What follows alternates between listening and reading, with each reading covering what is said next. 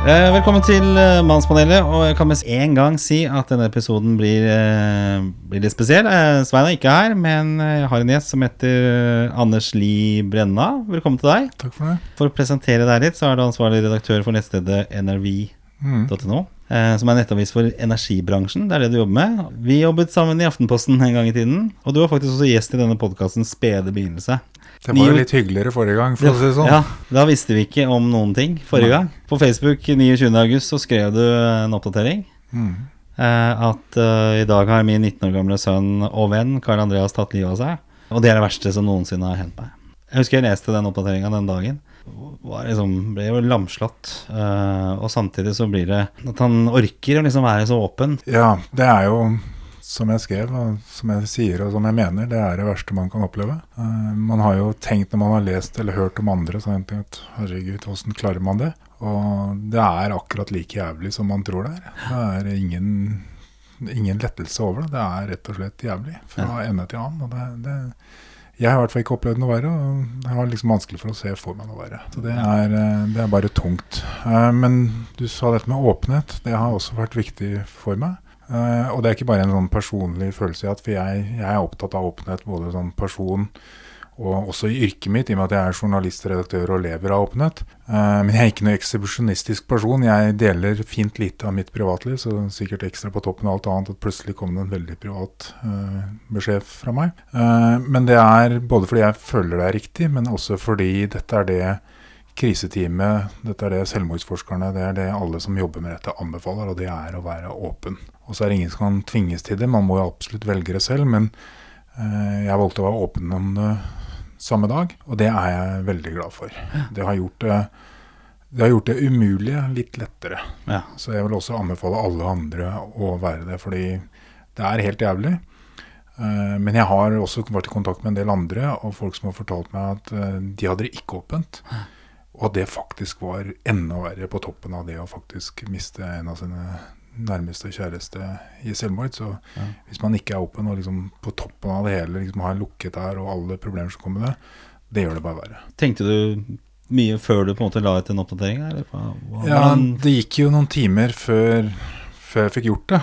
Uh, uh, men det var naturlig for meg fra første øyeblikk. ja. Er fordi det er noe med å, å gå og fortelle folk hvorfor du er som du er, for man er jo borte. Eh, man er jo på ingen måte seg selv. Eh, det å måtte sitte og forklare til alle, så du ønsker ikke at liksom, det skal være det. Eh, så man ønsker egentlig bare å være åpen så alle vet.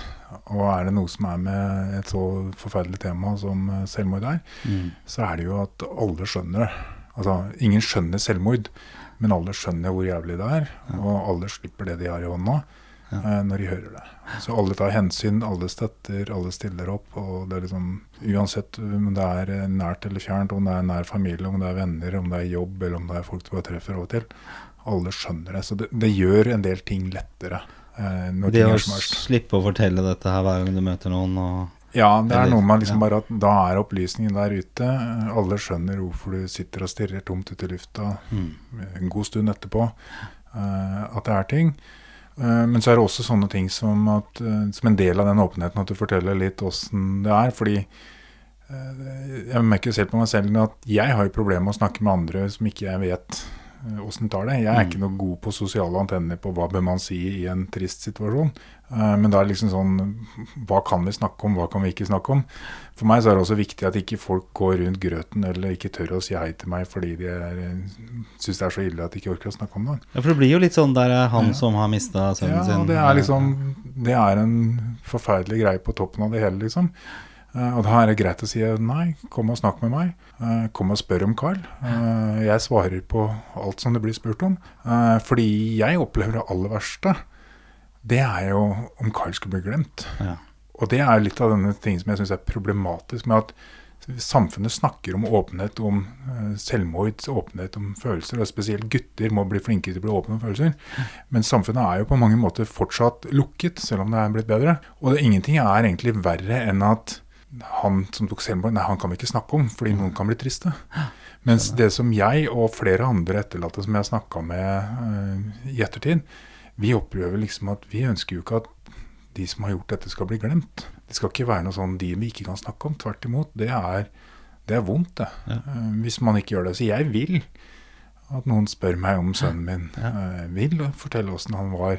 Kan du fortelle litt om hvordan fyr dette var? Ja, han var jo da Carl var i en litt spesiell situasjon. Han vokste opp som lillebror med to storebrødre. Ja. Eh, Så skilte jeg og mor lag for en del år siden. Og så For noen år siden så giftet jeg meg, og da ble Carl eh, plutselig gå fra å være lillebror i en familie til å bli storebror i den andre familien. Oh, ja. Så han håndterte det veldig godt. Han var en veldig snill og omsorgsfull person. Eh, veldig, veldig. Han ønsket å bli lærer. Eh, ikke fordi at han var så veldig opptatt av liksom, læring i seg selv, men han ønsket å liksom, se barn på barneskolen og hjelpe dem liksom, å ta skolegangen eh, fra år til år og komme gjennom ting og tang. Eh, han, jobbet, han var nettopp ferdig på videregående skole. Han jobbet i sommer på Vallerhjemmet. ja, for jeg så et av bildene, så hadde han på seg noe sånn sykkel... Ja, en av de siste bildene jeg har hatt. Jeg var og henta han, for han, Vi drev øvelseskjørte til og fra jobben hans siden jeg hadde hjemmekontor. Ja. Eh, Så han, Valremmer slet jo med koronasmitte i vår. Ja. var en av de som, Det var kanskje de som hadde flest dødsfall. Eh, Men så fikk de tatt ordentlig tak i det eh, og rydda opp. Og så ordna kommunen slik at de fikk ansett noen ungdommer som jobba med smittevern, bl.a. der og også et par andre steder. Så han hadde en jobb der han trivdes veldig godt med. og Passa på at de eldre ikke ble smitta, og at de eh, familier kunne komme på besøk i trygge omgivelser. Ja. Så han var en veldig omsorgsfull person. Eh, han var veldig flink med, med både de unge og de gamle. Han eh, var favoritten til eh, sine små stesøstre til å hjelpe dem med lekser. Veldig tålmodig, veldig snill og grei. Mm. Han var aktiv i fritidsklubben Spillhuset borte på Helset. Mye dataspill på egen hånd, men også hvor de brukte dataspill til å hjelpe ungdommer med sosialisering. En del ungdommer som sleit med det sosiale, så han bisto der en del. Og var i hele tatt en snill og pliktoppfyllende gutt. Så det var det. Så han drev og skulle ta opp noen fag for, han, for å kunne komme inn på lærerskolen, som Ja. han ønsket. Og alt så egentlig bra ut. Så ikke noe du så i forkant, eller altså Nei, altså, og dette er litt av greia. Altså, alle foreldre er bekymra for sine barn. mm. Og vi har ikke vært noe unntak. Det er mange ting jeg har gått og vært bekymret for Karl. Det var ting å følge opp, det var ting å følge opp på skolen, det har vært eh, mange typer ting Mm. eh, som følger opp. Men ingen av de tingene har jeg koblet til selvmordsfare. Og det er jo fordi at kunnskapen om selvmord er ikke fraværende, men den er nesten ikke tilgjengelig. Så selv meg, som er en person som eh, både lever og jobber og tjener penger på å lese informasjon og holde meg oppdatert på alt mulig rart, og som leste alt jeg kom over, jeg kom ikke over informasjon om hva som er faktisk kunnskap om selvmord. Den er liksom, Selvmordsforskerne vet en del. De har ikke knekt koden for dette, men de vet veldig mye som ikke er tilgjengelig for allmennheten.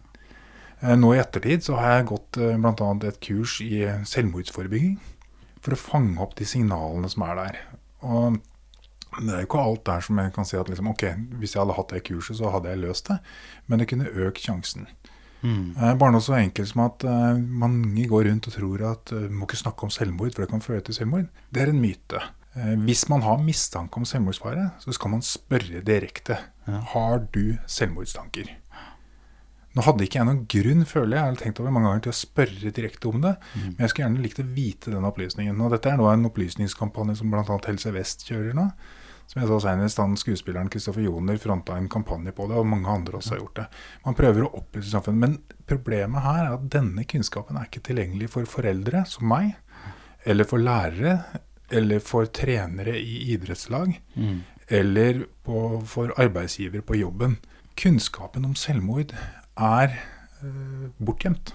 Men Kan du si noe om si, de tegnene du så å si, etterkant, eller det du har lært? da? Altså, Ja, Det viktigste er at det finnes ikke én årsak til at noen tar selvmord. Det er et sammensatt problem, og det er ikke min påstand. Det er selvmord. Jeg har lest meg opp på uh, selvmordsforskning, både norsk og internasjonal, og prøver å følge med på og plukke opp. Jeg ønsker å finne ut en del av tingene. Men det er jo ting som liksom eh, kan være uttrykk og fare for det. Man snakker f.eks. om depresjon. Depresjon er et faresignal. Men det er overdrevet hvor mye det er. For hvis alle som hadde vært eh, deprimerte eller led av depresjon, hadde øh, vært i selvmordsfare, så hadde vi hatt mange flere selvmord enn vi faktisk har. Så det er en del selvmord som ikke har sammenheng med depresjon i det hele tatt.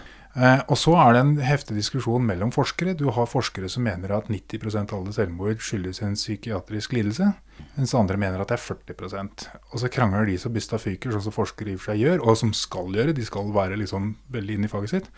Eh, men for meg så mener jeg at det er jo et faresignal, for da sender man liksom et signal eh, på flere måter. Mm. Det ene er at hvis ungen din ikke har en psykiatrisk lidelse, så går du rundt som forelder og tror at det er trygt. Du tenker ikke mm. på at det er en selvmordsfare. Eh, det andre er at dessverre er det jo slik at psykiatrisk lidelse er jo knyttet mye til bu og skam.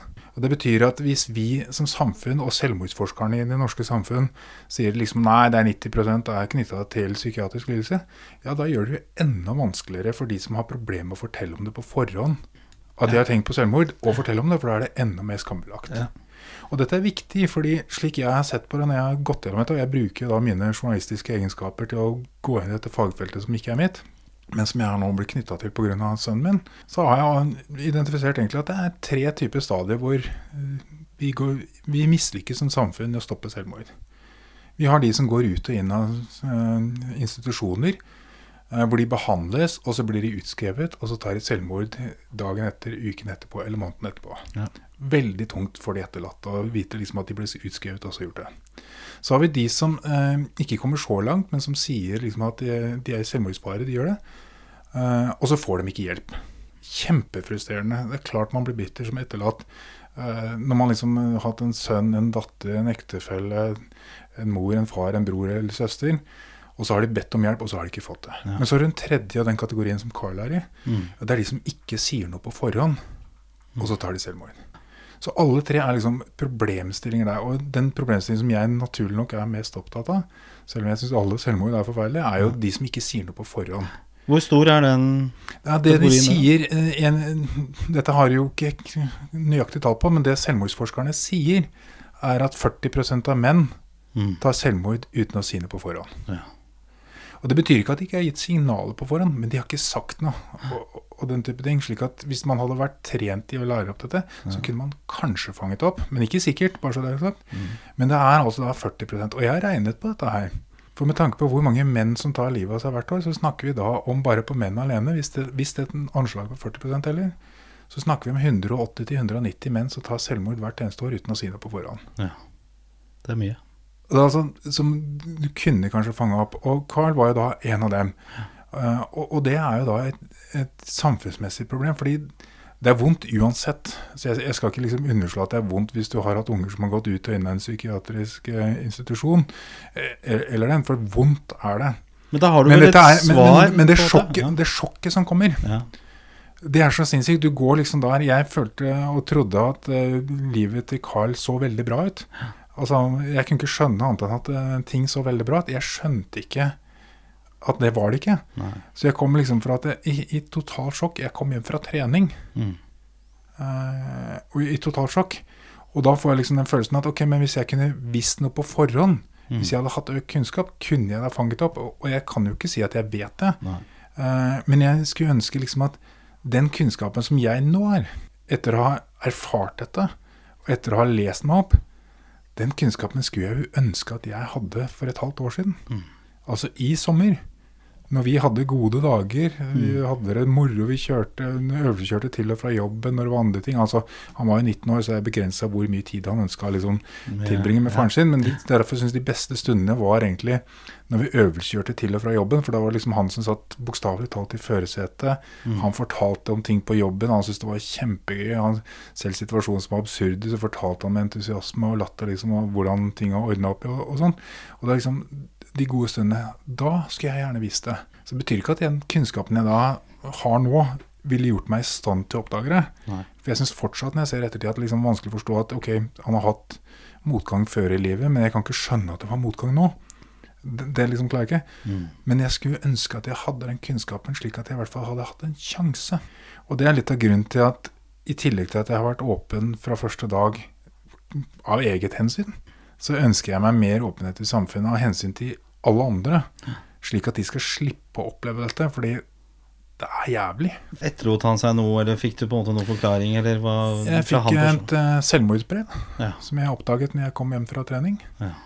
Uh, det fikk jo sjokk når jeg leste det, så klart. Uh, og klarte ikke å lese det ordentlig første gang, liksom, for da var det liksom prøve å finne ut uh, hvor han var sånt. Ja. Uh, I ettertid har jeg fått forklart fra selvmordsforsker, og jeg har også lest nå senest for et par dager siden litt selvmordsforskning på selvmordsbrev, så jeg ser at liksom det er en del ting som går gjennom. Det er liksom frustrasjon. Men det er liksom Det er ingenting som har plaga han, det er ingen som har vært slemme med han, det er ikke noe ting som er i livet og sånt, men det er et selvmordsbrev. Så selve selvmordet er jo for meg umulig å forstå. Og så kan man si at det er kanskje naturlig at det er umulig, for det er, liksom, det er, det er jo ikke en ting man skal forstå. Uh, men Men, men er, det, ligger, ligger det en slags Er det en redsel for framtiden, det å ikke klare ja, å prestere? Ja, prestere, frykt Ja. for framtiden, dårlig selvbilde. Ja. Jeg vil si et forvridd selvbilde. Ja. Man liksom sitter og sier ja, men, men det er jo ikke noe problem. Eh, det er liksom sånne ting som vi, vi vil kanskje tenke på liksom, ja, men, I hvert fall jeg har tenkt på sånn Ja, men det der er jo en bagatell. Uh, han var, ble litt stressa over at han skulle ta tre eksamener samtidig som privatist. Og så tenkte jeg liksom, ja, det er ikke noe problem. For det første så er det fag som han liker godt. Uh, For det andre så tok han et fag som privatist året før. Og da hadde han ingen forutsetning, men da tok han i psykologi. Da gikk han plutselig liksom fra å slite på skolen til å få en sekser på den eksamen. Og liksom bare helt supert. Og da, da liksom sånn. Så jeg, jeg så ikke det problemet, men, men han på en måte konstruerte noen problemer eh, som ikke jeg får til å stemme overens med virkeligheten. Nei. At små bagateller eh, på en måte er blåst opp til at det ikke går. Og, og, og det er en sånn der forvridd virkelighet. Og det sier jo disse selvmordsforskerne at eh, de som er i den grad, de kan få et sånn slags tunnelsyn på at liksom alt er helt håpløst, selv om det ikke er det. Og så har man forska på de som har overlevd sånne selvmordsforsøk, enten fordi de har mislykkes fordi de ikke fikk til, eller fordi noen klarte å stoppe dem Mm. eh, for det de var i ferd med å gjøre. Og da viser det at de har en form for logikk når de tar denne beslutningen, som rett og slett ikke stemmer overens med virkeligheten. De får et sånt tunnelsyn. Og en selvmordsforskeren ene jeg snakka med, hun fortalte liksom at de hadde forska på noen, så liksom en mor ja, som hadde eh, prøvd å ta selvmord, og så blitt redda. Så hadde de spurt henne liksom sånn Ja, men tenkte du ikke på barna dine? Ja, men der og da så var det logisk. Og det er så vondt i dette selvmordsbrevet som han lot til nå. fordi Ja. i likhet med det forskning viser fra andre selvmordsbrev, så er det en, på en måte en logikk i at alt, alle har det så mye bedre hvis han ikke er der. Mens det stemmer jo virkelig ikke overens. Vi har det jo helt forferdelig, har det grusomt nå, kommer til å ha det grusomt resten av livet. Men den, i den logikken der så fremstår det som at det var riktig. Jeg sammenligner det litt med når folk snakker om at å, jeg hadde en drøm i natt. I den drømmen så fant jeg opp en genial oppfinnelse eller genial idé, og så var jeg bare så dum at jeg ikke skrev den ned. Ja. Men hvis du noensinne har våknet etter å ha gjort et eller annet genialt eller et eller annet som høres kjempelogisk, og faktisk vært våken nok til å huske ideen, så vil alle skjønne liksom at det sitter og rister på at det hang jo ikke på Nei, greip. det er faktisk veldig godt Det, det er helt borte. Ja, det så det som er, er at ut ifra både det brevet som Carl etterlot seg, men som også forskningen viser, er at de kommer inn i en sånn, sånn tunnelsyn, og jeg kaller det en slags drømmelogikk.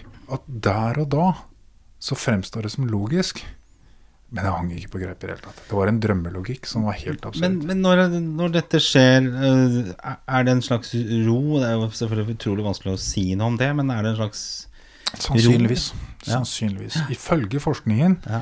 så er eh, mange av dem har følt en lettelse Mm. og kjent en ro på at nå skal de endelig gjøre det, og ferdig med det. Og jeg har jo drevet eh, omtrent som en privatetterforsker eh, på å gå på alle mulige spor. Eh, jeg har brukt mitt yrke som journalist til å stille spørsmål og til å finne informasjon. Mm. Jeg har brukt min bakgrunn fra IT-bransjen til å gå opp digitalspor. Jeg skrev jo for en del år siden, ja faktisk når vi jobba sammen, eh, mens jeg var i Aftenposten, så skrev jeg en bok som het 'Digitalt kildevern', om hvordan journalister må beskytte eh, kildene sine fra hackere og fra myndigheter fra alle. Mm. Så jeg har jo i og for seg en del kunnskaper og sånn, så jeg har jo gått opp sporen med å finne, fått tak i det som finnes av spor for å etterforske uh, denne biten her. Ja. Og det er ingenting Det viktige der er at jeg, ikke for å finne en skurk eller noe sånt, men tvert imot for å avdekke at det er ingen skurk. Eh, men i det så har jeg da på en måte avdekket at det er liksom ikke noe annet. Og jeg har da f.eks. avdekket at eh, greit, jeg vet sånn cirka tidsperspektivet, hva han har gjort natta gjennom før han gjorde det. Eh, og sånne type ting. Bare en sånn ro på at han har sletta både sin spill-PC og sin Mac. Ja. Eh, han har eh, hørt på musikk hele natta igjennom.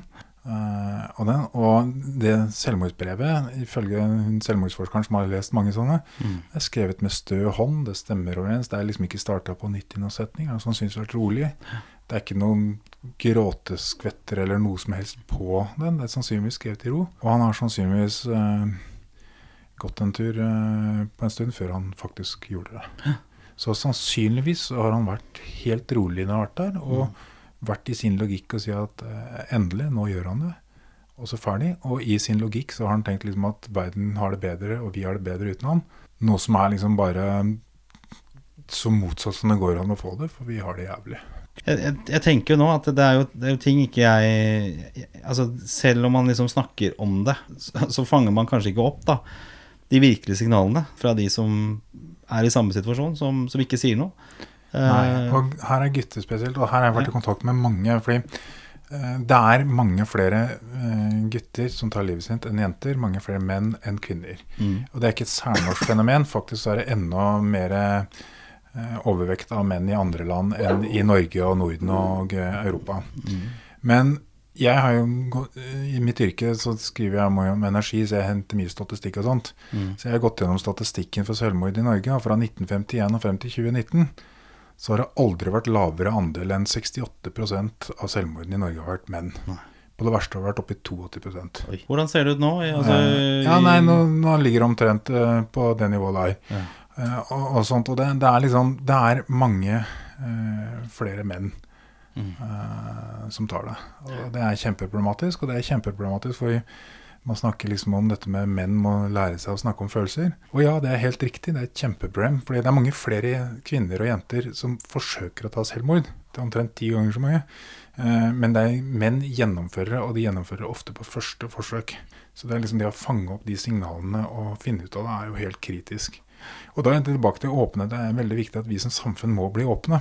Fordi jeg frustreres veldig av at det har blitt veldig mye bedre i det siste. bare så det er sagt. For noen år siden var det helt forferdelig. Ja. Jeg synes bare, Sikkert fordi jeg er obs på det nå, men jeg har jo sett statistikken liksom på hvor mye pressen omtaler selvmord. Det har blitt bedre. Jeg vet at det er en del artikler på gang, og redaksjonen jobber med det og sånt. Men, men det skrives altfor lite om selvmord. Mm. Jeg f.eks. har ikke sett denne selvmordsstatistikken før.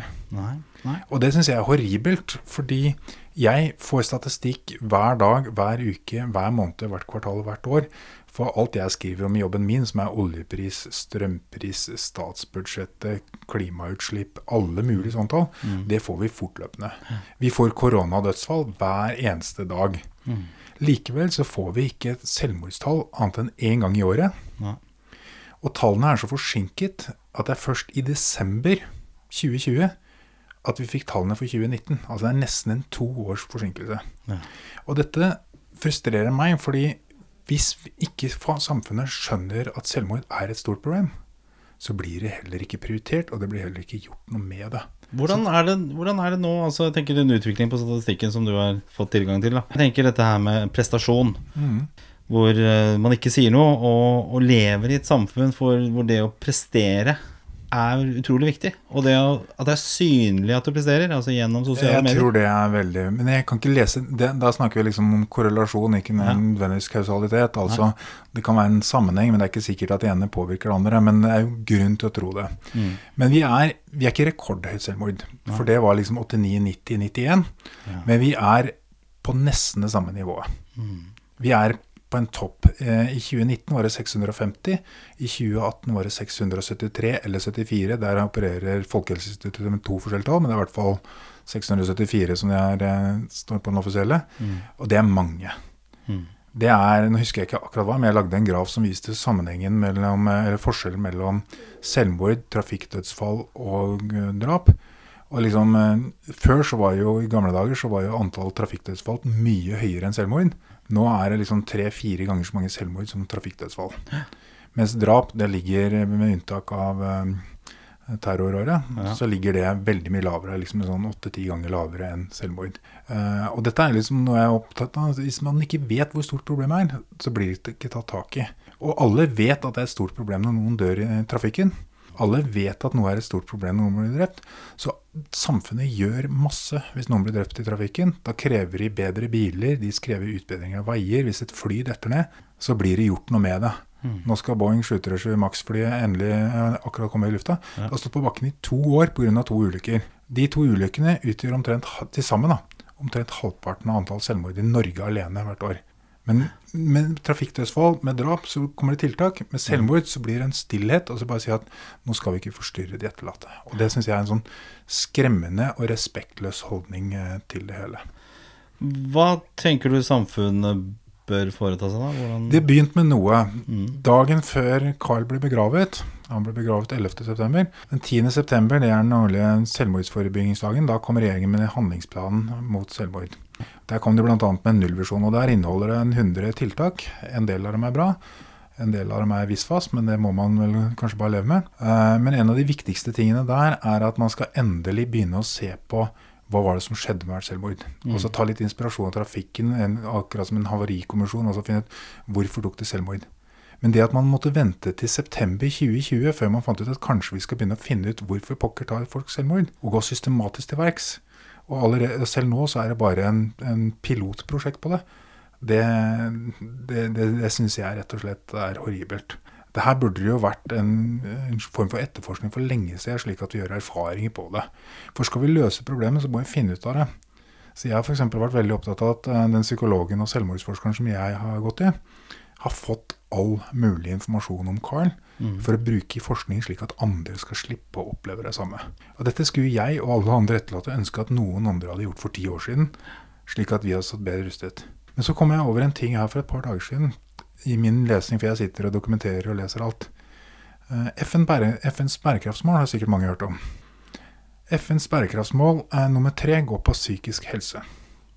Punkt eh, 3-4 inneholder et mål at innen 2030 så skal antall dødsfall relatert til psykisk helse kuttes med en tredjedel. Det står det ingenting om i regjeringens handlingsplan der. Det er en opplysning som jeg oppdaget for tre dager siden fordi jeg leser alt, og jeg leser grundig, og jeg er god på å finne informasjon. Men det er en opplysning som ikke er der ute, som jeg kommer til å skrive noen kronikker og gå på. Men det betyr at vi har altså FNs bærekraftsmål som klinkende klart. I punkt 3.4.2 omhandler for øvrig masse statistikk om selvmord. Men i 3.4 vi skal kutte antall selvmord i verden med en tredjedel innen ti år. Hvorfor i helvete får vi da ikke fortløpende statistikken på hvor stort problemet er? Vi vet ikke hvor stort problemet er. Jeg visste ikke det. Og jeg er sykelig opptatt av tall. Det er ingen journalister i Norge som er så opptatt av tall som meg. Eh, og fanger opp alle tall. Jeg er innom SSB hver dag klokka åtte, for det er da de leverer ut alle nye tall. for å titte på tall. Jeg har gått til kursen hos SSB to ganger, så det egentlig er samme kurs, bare for å være sikker på å få med alt. jeg er sykelig opptatt av alt. Jeg har ikke fanga opp noe av disse tingene her. Fordi vi skyver disse tingene under teppet, og vi krever ikke å få vite hvor stort er dette problemet. Men hvis vi skal kunne redusere med en tredjedel, så må vi vite at oi, hvor stort problem er det i dag? Og så må vi vite ok, hvilke tiltak gjør vi i dag? Ja, vi bruker 52 millioner i året på selvmordsforskning. Er det mye eller lite? Ja, det er lite. Ja. Jeg har regna ut at uh, jeg og mor har betalt det dobbelte for Karls begravelse som det man bruker i forskning på selvmord per person per år. Og da teller jeg ikke med alle de andre som har blomster, at uh, alle timene som har forsvunnet fordi jeg ikke var på jobb en to uker, Uh, alle andre som er satt ut, og de kostnadene. Kostnadene er enorme, men man bruker peanøtter på det. Og så sier jeg ikke at løsningen er bare å pumpe på penger, men man mangler på en måte ambisjoner. Og man mangler ambisjoner når man ikke engang har klart å ta til seg FNs bærekraftsmål og sagt at der står det svart på hvitt. En av de målene er at vi skal redusere det med en tredjedel innen ti år. Da må vi begynne for det vi gjør nå. Nå fortsetter vi sånn som vi har gjort før, og så kommer vi ikke noen vei. Tallene går ikke ned, de går opp. Før så snakka man om 500-600 selvmord i året. Nå er det reelle tallet 600-700. De siste fem årene så er det laveste tallet 595. Da kan man ikke si 500-600 når 595 er det laveste tallet de siste fem årene. Så her må man jo komme på banen og si at vet du hva, vi skal gjøre noe med det. Og dette her er en ting som jeg har snakka med flere og flere etterlatte, for jeg har vært litt bekymra for at kanskje er jeg sær. Jeg er sær. Det er ikke kanskje, jeg er sær. Jeg er veldig opptatt av tall. Jeg sitter opptatt av tall når sønnen min er borte. Men det er fordi at tallene viser om det blir gjort noe eller ikke. Og det som er, lie. Ja. ja, og det er veldig viktig. Fordi Carl er borte. Jeg får han alltid tilbake.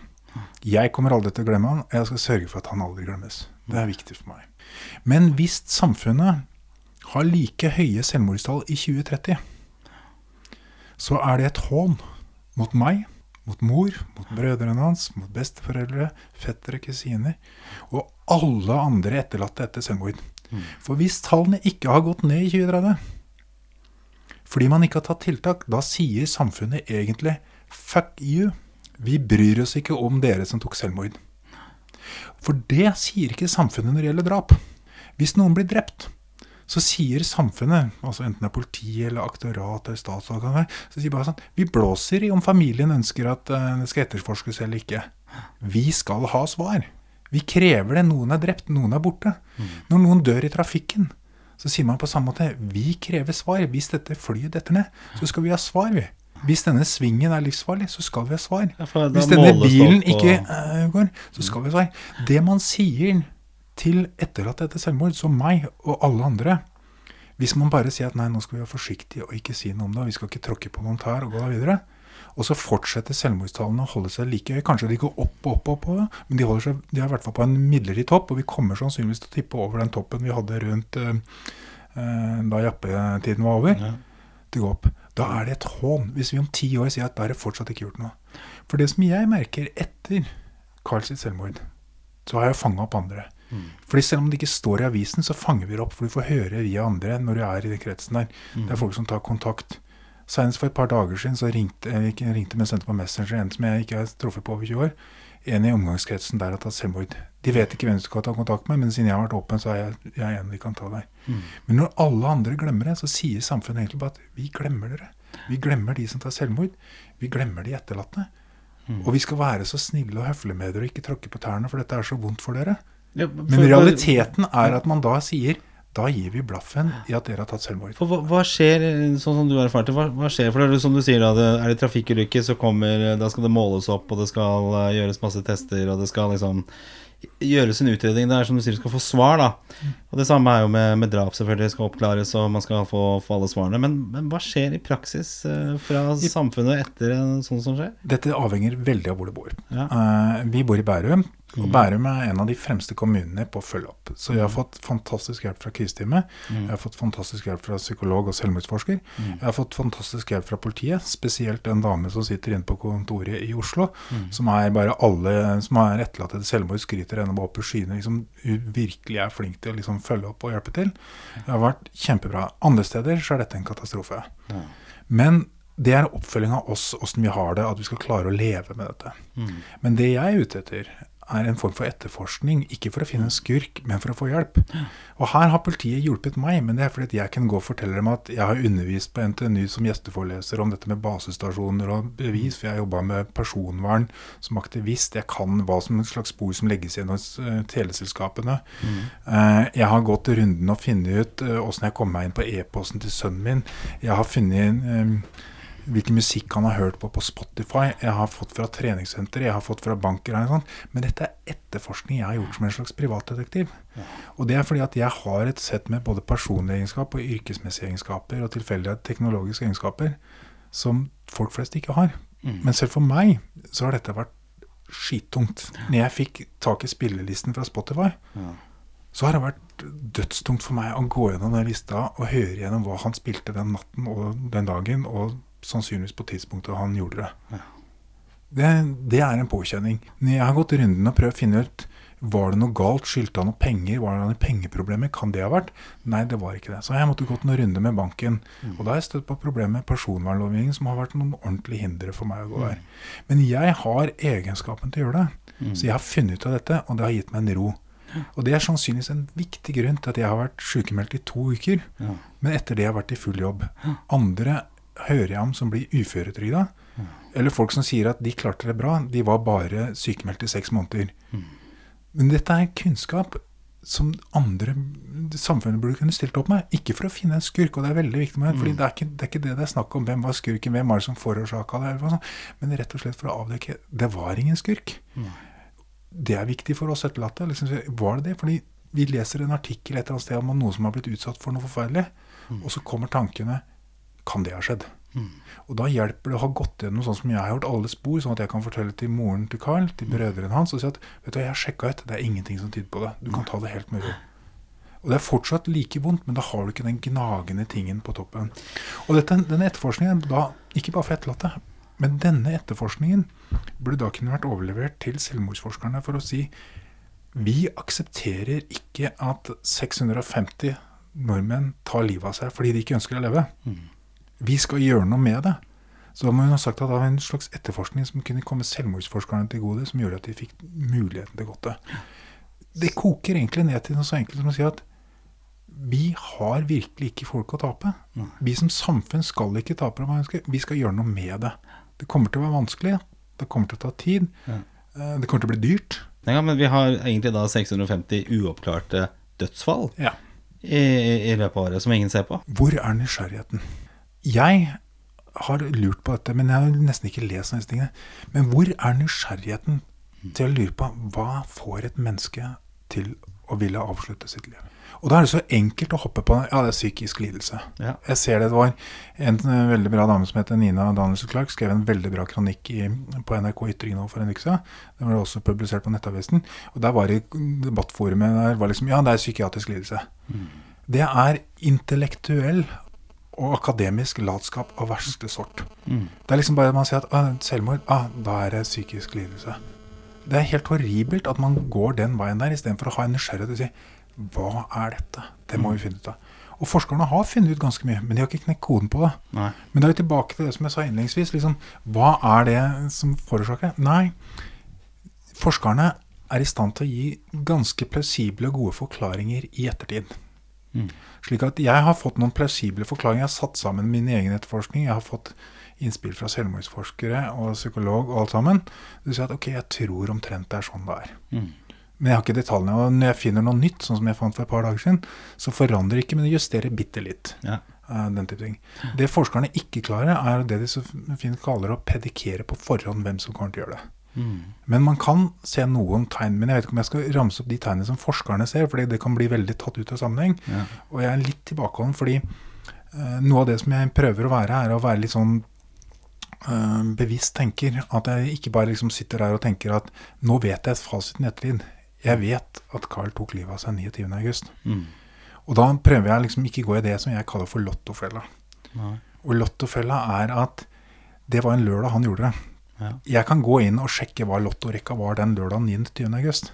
Men det gir meg ikke noe innsikt, for det var ingen mulighet for meg å vite det på forhånd den 29. august. På samme måte så må jeg være litt eh, bevisst som tenker og tenke hva kunne jeg visst eh, på forhånd? Mm. Og noen ting kunne jeg, men når jeg da ramser opp de tingene, så hadde jeg en dialog med noen om dette. Og da sa de ja, men det er jo akkurat de samme bekymringene jeg ser på sønnen min. Og her kommer vi til dilemmaet at de tingene som kan være en indikator, en predikator på at noen er i selvmordsfare, Mm. det er veldig ofte typisk ting som alle tenåringer sliter med. Mm. Og så er spørsmålet når sliter en tenåring så mye med det at det går fra å være en vanlig tenåringsbekymring Mm. til å bli selvmordsfare. Mm. Og det er der jeg sitter og tenker på at hvis jeg hadde visst alt jeg vet nå For jeg vet mye mer enn jeg noensinne Jeg har egentlig ikke lyst til å vite dette i det hele tatt. Nei. Men selv med alt jeg vet nå, så vet ikke jeg om jeg hadde klart å gjøre eh, ting annerledes bedre. Som jeg sier, jeg skulle ønske jeg fikk muligheten. Jeg skulle ønske at denne kunnskapen ble tilgjengelig for alle i allmennheten, slik at flere fikk muligheten. Og så tror jeg ikke det ville gitt null selvmord, men jeg tror det ville redusert i tråd med FNs bærekraftsmål, med at det var redusert med en tredjedel innen ti år, hvis informasjonen var tilgjengelig. Men det er vanskelig. Det hjelper ikke å vite at lottorekka var det den gangen. Du må liksom vite hva kunne du visst, men hva kunne du gjort med det Det du visste. Det var sannsynlig at du kunne ha fått med deg. For det, Ja. ja, det er veldig lett å være etterpåklok og Ja. se disse tingene da, men um, hva, hva, hva tenker du, hva kan man gjøre da? Altså, som foreldre? Hva jeg mener jo, eh, En av grunnene til at jeg er veldig begeistra for hun eh, Nina Clark som skrev den, er at hun eh, driver organisasjonen Elpis. Og det hun er ute etter, er å ta de kursene og den kunnskapen som helsepersonell og folk som jobber med selvmordsfare går, og gjøre den tilgjengelig for alle. Det betyr noe så enkelt som at du får ikke lært opp alle foreldre over natta, Mm. men alle skoler bør ha gått på en av disse kursene fra Vivat, som det heter, Mm. selvmordsforebygging. Og du har en kortversjon på, som er litt avhengig av om du kjører den på nett eller på, på kurs, på to til fire timer. Du har en todagersversjon. Denne to til fire timers versjonen burde alle lærere i Norge ha. Alle trenere som går trenerkurs i regi av idretten, bør ha det. ja. alle arbeidsgivere av en, i hvert fall en viss størrelse som har egne HR-folk, bør ha gått kurs i å fange opp disse tingene. Mm. Så vil ikke det sørge for at problemet går til null, men kanskje vil det sørge for at problemet reduseres med en tredjedel. Mm. Vi må få økt kunnskapen. Det neste er at det må snakkes og skrives mye mer om selvmord. Mm. Man må ta den myten, for det er en myte, om at det er farlig å snakke om selvmord, og kaste den i søpla. Det er ikke farlig å snakke om selvmord. Det å snakke om selvmord fører ikke til selvmord. Tvert imot, hvis du er bekymret, så skal du spørre rett ut har du selvmordstanker. Mm. Det som man derimot ser at det er en fare med, det er denne smitteeffekten. Og det går på f.eks. hvis man skriver veldig glorifiserende om liksom, Wow, for en fantastisk At det kun er liksom denne personen var fantastisk. Mm. Og så får man en sånn smitteeffekt som følge av at eh, tenker jeg at oi, når han tok livet av seg, så ble han hyllet overalt. Mm. Da liksom får hun den rosen som hun ikke får i livet ellers. Nei. Det er farlig. Det andre som er farlig, er omtale av metoder. Ja. For det kan inspirere noen til å gjøre noe. videre. Ja. Men selv ikke dette her er konsekvent. Mm. Jeg var i militæret i 1994 når Kurt Cobain, vokalisten i Nirvana, tok Mm. livet av seg. Og jeg var veldig stor Nirvana-fan. og Jeg syns fortsatt musikken er kul, selv om jeg har blitt gammel og grå eh, etterpå. Mm. Den gangen så gjorde man på en måte i gåseøynene alt galt. Mm. Det var massiv omtale. Det var ikke Facebook, men det var MTV, og MTV var stort den gangen. Og MTV kjørte kontinuerlig Mm. på selvmordet til Kurt Cobain. Og de omtalte det kontinuerlig at han skjøt seg. Mm. Likevel viser forskningen, for det har blitt forsket på det, at Kurt Cobains selvmord ikke førte til noen smitteeffekt. Nei. Det førte ikke til flere selvmord, og det førte ikke til økning av antall selvmord ved hjelp av å skyte seg selv. Nei. Og det forskerne konkluderte der, var at man var veldig tydelig på at man hyllet musikken, men tok avstand fra handlingen. Så man kunne altså i 1994 gjøre en bedre jobb med å omtale kjendiser som tok selvmord, Mm. enn det man gjør nå. For man var tydelig på at det var selvmord. Eh, Courtney Love, som var ganske skandaløst eh, opptredende mange år etterpå, Ja. hun gråt og leste opp brevet hans og sa liksom noe sånt som 'Fuck you, why did you do this? Why did you leave us?' Og det har jo til og med vært sånne spekulative, helt horrible dokumentarer om at hun skal ha drept Kurt Cobain for å bli Ja. rik og berømt og hele pakka sånn. Men hun får av forskerne eh, litt av æren for at Kurt Cobains selvmord ikke førte til smitteeffekt. Fordi hun viste hvor stort tapet av han var. Ja.